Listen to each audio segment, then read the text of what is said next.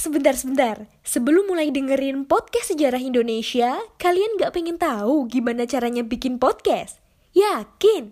Gak susah kok. Coba deh download Anchor Podcast. 100% mudah, 100% gratis.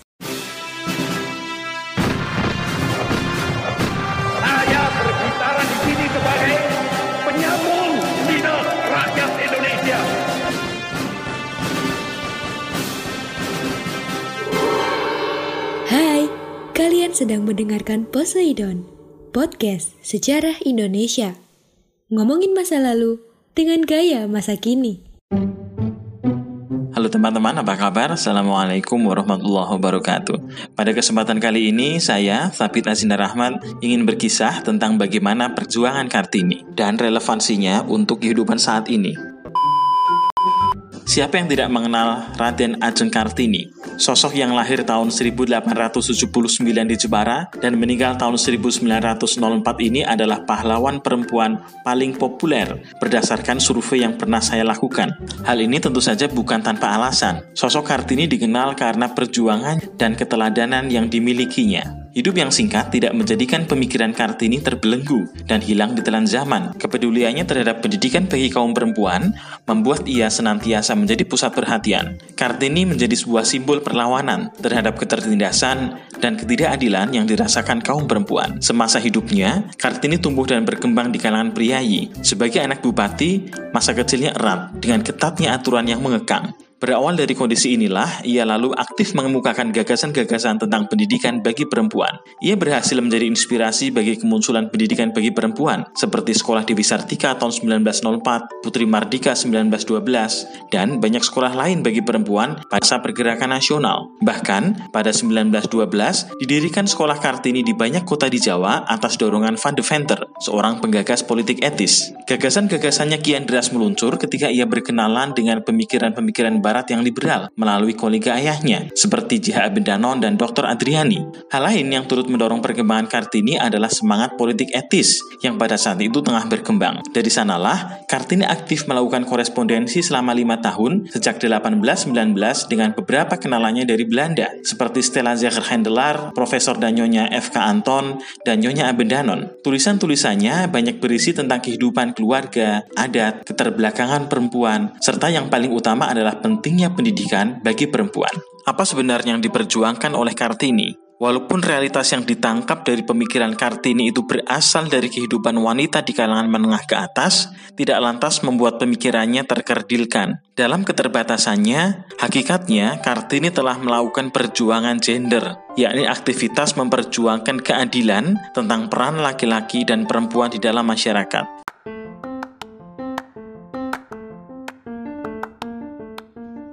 Halo Sobat Poseidon, kalian pasti sudah tidak asing lagi dengan Anchor. Yap, aplikasi penyedia jasa untuk para podcaster pemula dan juga pro. Buat kalian yang pengen mulai nge-podcast, langsung download aja Anchor di App Store ataupun di Play Store.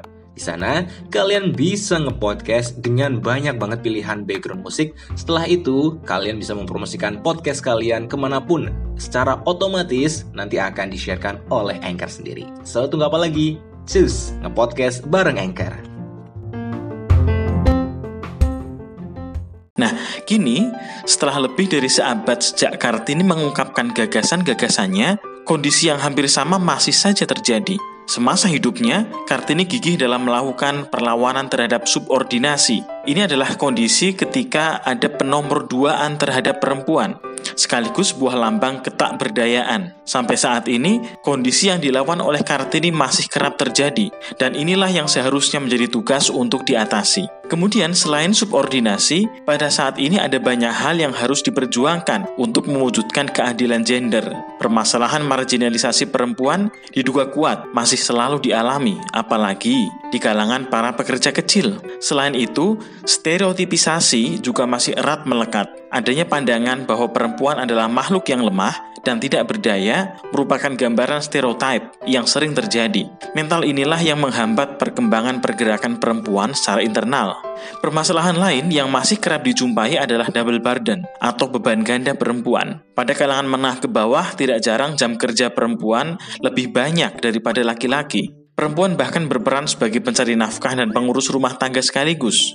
Lalu, satu hal lagi yang patut menjadi catatan dalam perjuangan gender adalah permasalahan kekerasan, baik itu kekerasan fisik, psikis, ekonomi, maupun seksual, menjadi pekerjaan yang harus diprioritaskan untuk diselesaikan oleh Kartini-Kartini saat ini. Kemudian, apa sebenarnya ruh yang terkandung dalam perjuangan Kartini? Ketidakadilan gender telah memberikan konsekuensi tentang minimnya peran perempuan dalam berbagai dimensi kehidupan, penomor duaan, marginalisasi, stereotipisasi, beban yang berat, dan kekerasan merebak menjadi permasalahan yang menggambarkan ketimpangan. Akibatnya, perempuan terjebak dalam domestifikasi dan sindrom inersia yang ditandai dengan sikap fatalisme, pasifme, dan rasa saling ketergantungan yang tinggi. Nah, permasalahan-permasalahan ini membutuhkan satu upaya untuk penyelesaian, di mana pergerakan dan perjuangan menjadi sebuah jawaban untuk menuntaskannya. Di sinilah ruh Kartini berperan sebagai penyemangat dan landasan dalam pergerakan perjuangan gender. Di sini, nilai-nilai universal yang dapat diambil dari semangat perjuangan Kartini adalah bahwa perempuan juga membutuhkan pendidikan, mendapatkan keadilan, dan bebas dari ketertindasan. Untuk itu dibutuhkan sebuah upaya untuk memberikan kesadaran bagi perempuan tentang bagaimana posisi, fungsi, dan peran mereka di dalam masyarakat. Salah satu kata kunci yang perlu dipegang adalah kesadaran, di mana kesadaran ini menjadi salah satu awal dalam perjuangan gender. Ini menjadi penting karena selama ini perempuan justru merasa bahwa kondisi ketidakadilan itu adalah hal yang sepatutnya diterima. Tidak jarang, ketertindasan yang dialaminya itu dianggap sebagai sebuah tuntutan dan kewajiban yang harus dijalankan. Oleh karena itu, upaya mewujudkan sadar posisi, sadar fungsi, dan sadar peran untuk perempuan menjadi prioritas dalam perjuangan gender.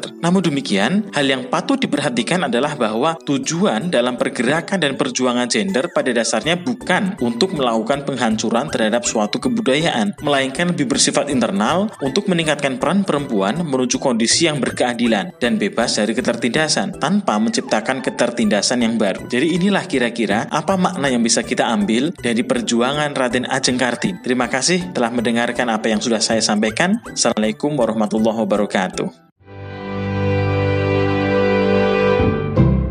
Terima kasih.